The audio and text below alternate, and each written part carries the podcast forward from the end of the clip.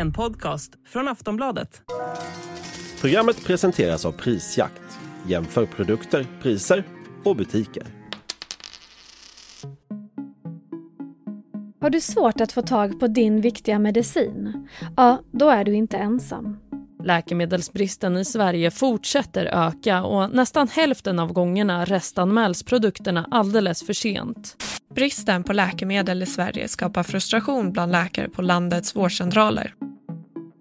KVPenin, Antabus, Lergigan, D-vitamindroppar, östrogenplåster.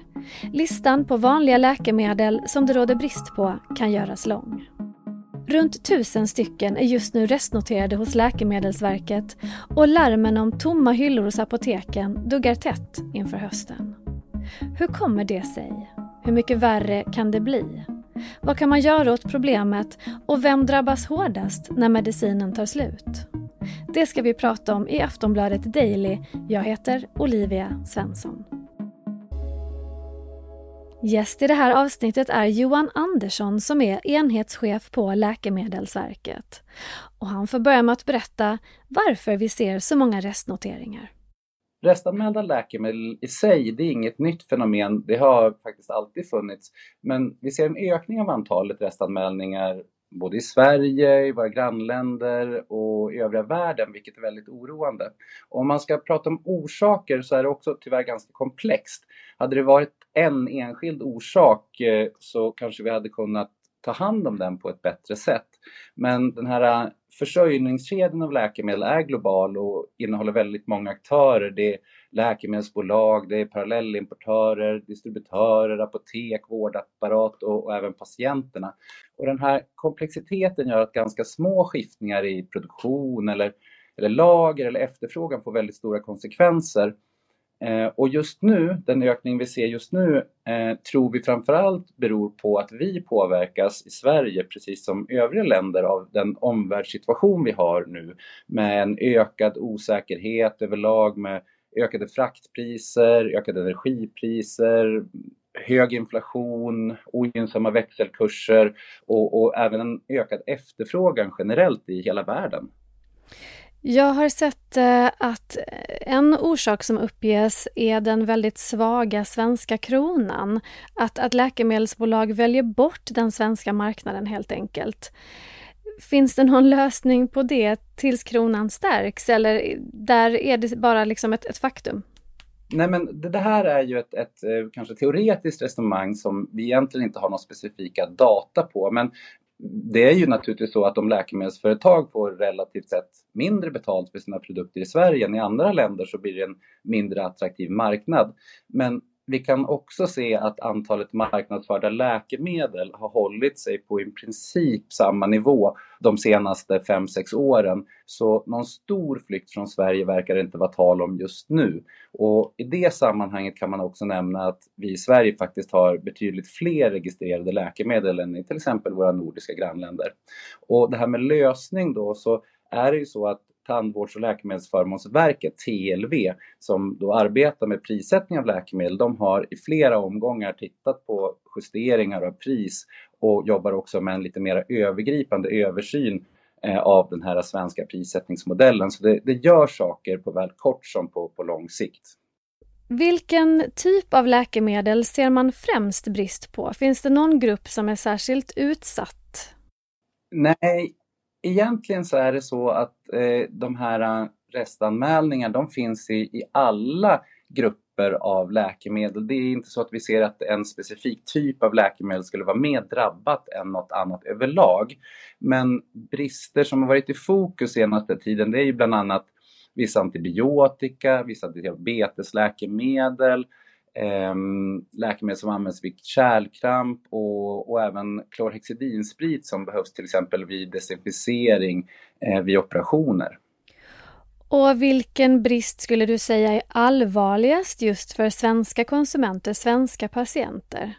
Var är det liksom mest braskande?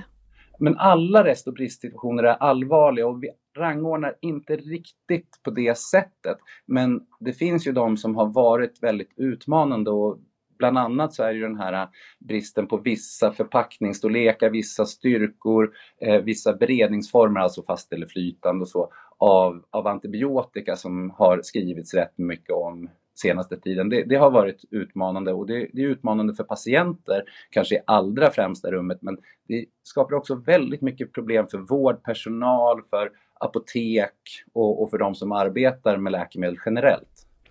Det har ju varit väldigt mycket skriverier om att det, finns, att det råder en allvarlig brist på penicillinsorten Kovepenin. Vad skulle hända vid en långvarig brist på just den typen av läkemedel? Jo, men det, det är rätt att eh, flera olika förpackningar av, av den här typen av antibiotika som vi kallar fenoximetylpenicillin, PCV, eh, som är ett av våra allra vanligaste penicillin och, och går under varunamnet Kovepenin bland annat. Det, det, finns flera restanmälningar där. Men samtidigt så är det så att den information vi har idag är att det också finns penicillin att få tag på i flytande form, i fast form, olika styrkor, olika förpackningsstorlekar och det finns även andra antibiotika förstås. Och vi ser också att det kommer vara tillgängligt under hösten, i alla fall med den information vi har idag. Men vissa styrkor och vissa förpackningsstorlekar kan vara slut i perioder och läget ändras snabbt. Och det här kan krävas ett, då, ett, att man behöver ett nytt recept eller att man går till ett specifikt apotek och det är jätteutmanande och oroande som jag sa, framför allt för patienter, men det tar jätte, jättemycket tid för vårdpersonal och apotek som får dra ett jättetungt lass och där deras tid skulle kunna användas på ett betydligt bättre sätt. Eh, och om det skulle ta helt slut på just den här typen av penicillin så, så finns det andra antibiotika att ta, att ta till. Men det vill man inte göra eh, eftersom de preparaten är av mer bredspektrumkaraktär och kan ha annan biverkningsprofil och i förlängningen kan det också spä på den här antibiotikaresistensen som ju vi verkligen vill motverka. Och hur ser det då ut med läkemedel för barn? Där har man ju hört om just Alvedon till exempel, att det är svårt att få tag på. Mm. Ja, men det är samma sak som jag sa tidigare att eh, det finns egentligen inte en grupp läkemedel som är mer utsatt än någon annan. Men när vi pratar om läkemedel för barn så är det ju ofta så att det finns färre alternativ så rest och bristsituationer i, i den typen av läkemedel kan leda till ännu mer allvarliga konsekvenser. Eh, så det är inte så att det finns fler restsituationer just för barnläkemedel men det är kanske ännu mer utmanande. Är det några läkemedelsgrupper eller läkemedel som ni nu vet ligger i farozonen för att bli restnoterade nu inför hösten? Liksom växer listan så att säga? Alltså vi får ju in både kommande och, eh, och nuvarande restanmälningar. Företagen är skyldiga att anmäla till Läkemedelsverket minst två månader i förväg en rättssituation om de vet om det. I de allra flesta fall så vet man kanske inte om det två månader i förväg. Ehm, så vi ser att det här kommer ju fortsätta under hösten också. Men det är samma sak där, det går inte att säga att det är en speciell eh, patientgrupp, en speciell läkemedelsgrupp som är mer drabbat än något annat. Vad man kan säga rent generellt är att man ser mera restsituationer på äldre läkemedel där det finns generisk konkurrens och, och där patientgrupperna är små. Många har ju en medicin som är restnoterad just nu. Hur ska man tänka då? Det ska vi prata om efter den här korta pausen. Tired of ads barging into your favorite news podcasts? Good news. Ad-free listening is available on Amazon Music for all the music plus top podcasts included with your Prime membership. Stay up to date on everything newsworthy by downloading the Amazon Music app for free or go to amazon.com slash news ad free. That's amazon.com slash news ad free to catch up on the latest episodes without the ads.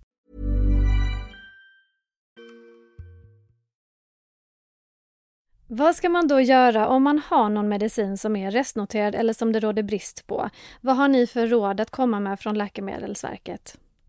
Ja, men det finns ju några, några saker man kan göra.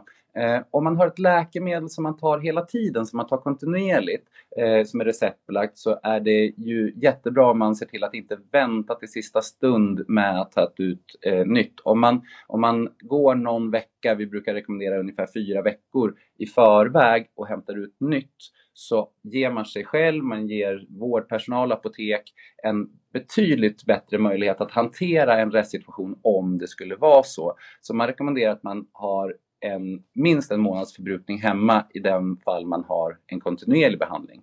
Men om det skulle vara så att man har en liksom tillfällig behandling som inte finns, ja men då kan man bland annat prata med apotekspersonalen. De brukar vara jätteduktiga och snälla och försöka hjälpa till så gott de kan och titta på om det finns på andra apotek eller försöka få tag på läkaren som har skrivit eh, eh receptet eller så vidare. Man kan också faktiskt i förväg titta på FASS och, och där kan man se hur lagersituationen ser ut på apotek i det område man, man befinner sig. Eh, och om man inte alls får tag på sitt läkemedel så är det jätteviktigt att man vänder sig till sin förskrivare så man kan få ett nytt recept eller, eller diskussion om en annan behandling. Hur jobbar ni på Läkemedelsverket med det här problemet? Hur mycket kan ni påverka och göra från ert håll? Men tillgänglighet till läkemedel är en jätteviktig fråga för oss på Läkemedelsverket och något vi jobbar med väldigt aktivt och gärna skulle jobba ännu mer aktivt om. Ehm, vi köper ju inte in läkemedel, vi har inga lager, vi tillverkar inte läkemedel. Men vad vi jobbar mycket med är information. Vi tar in, som jag sa tidigare, den här informationen om restanmälan, vi sprider den till vård, till apotek. Vi jobbar med statistik så vi ser hur utvecklingen ser ut. Sen har vi väldigt, väldigt mycket samverkan. När vi får in en restanmälan behöver vi kolla med vården, behöver vi kolla med företaget, behöver vi kolla med apoteken. Hur får vi så många som möjligt uppdaterade? Sen har vi också några egna verktyg i vår verktygslåda, bland annat dispenser och licenser. Till exempel, ett, ett exempel på en dispens kan vara att det finns en förpackning i Norge av samma läkemedel men, men med norsk text. Då kan man ge en dispens för att den får säljas i, i Sverige under ett eh, kortare tag då för att råda bot på en brist. Och licenser det är när man skriver ett läkemedel som kanske inte är registrerat i Sverige men som är registrerat i Frankrike eller något annat europeiskt land. Eh, där man då säger att just för den här patienten så kan vi ta det här läkemedlet. Så vi jobbar mycket med, med det.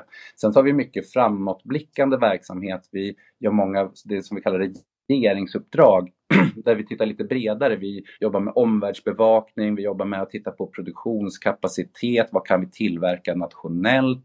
Eh, vi jobbar mycket med att se ja, men hur ska vi få bättre koll på hur mycket läkemedel som finns i Sverige? För det vet inte vi och det vet ingen annan idag heller. Vi kan inte säga att det finns si och så mycket läkemedel och det skulle vara väldigt, väldigt bra för att kunna eh, då ja, men, avhjälpa en, en bristsituation. Varför finns inte den informationen?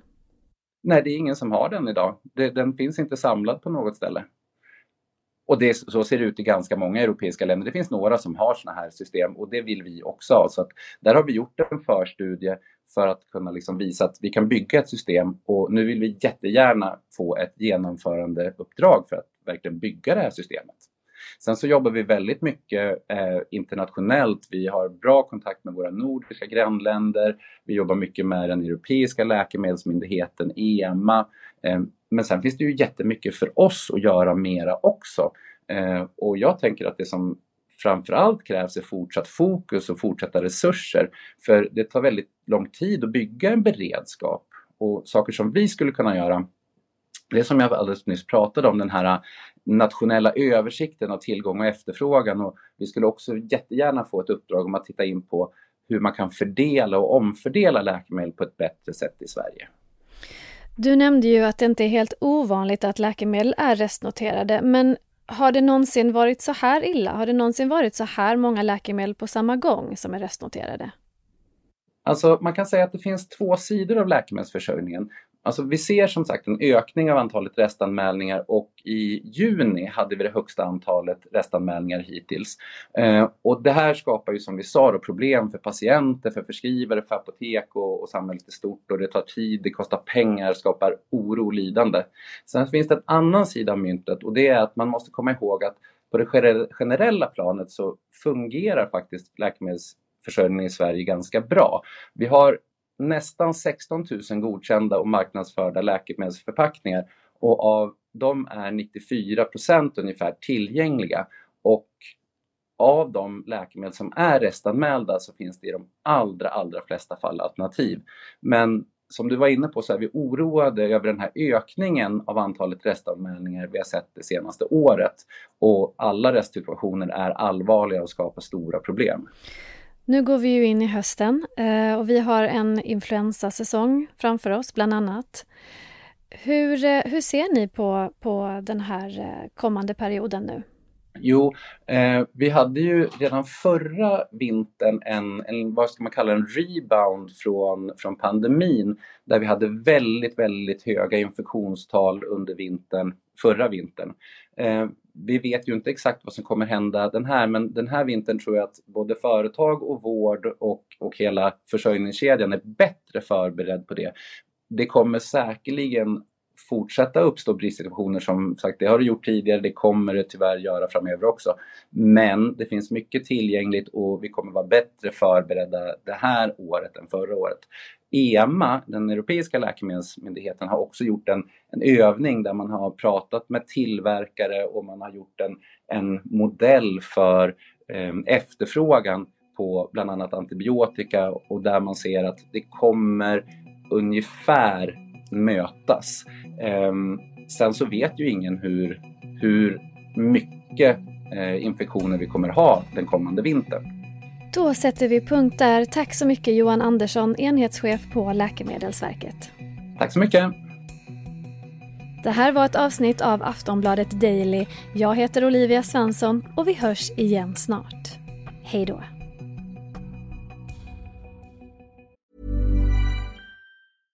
Want flexibility? Take yoga. Want flexibility with your health insurance? Check out United Healthcare Insurance Plans. Underwritten by Golden Rule Insurance Company, they offer flexible, budget friendly medical, dental, and vision coverage that may be right for you. More at uh1.com. Du har lyssnat på en podcast från Aftonbladet. Ansvarig utgivare är Lena K Samuelsson.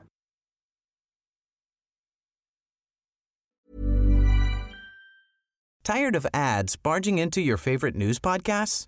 Good news. Ad-free listening is available on Amazon Music for all the music plus top podcasts included with your Prime membership. Stay up to date on everything newsworthy by downloading the Amazon Music app for free or go to amazon.com slash news ad free.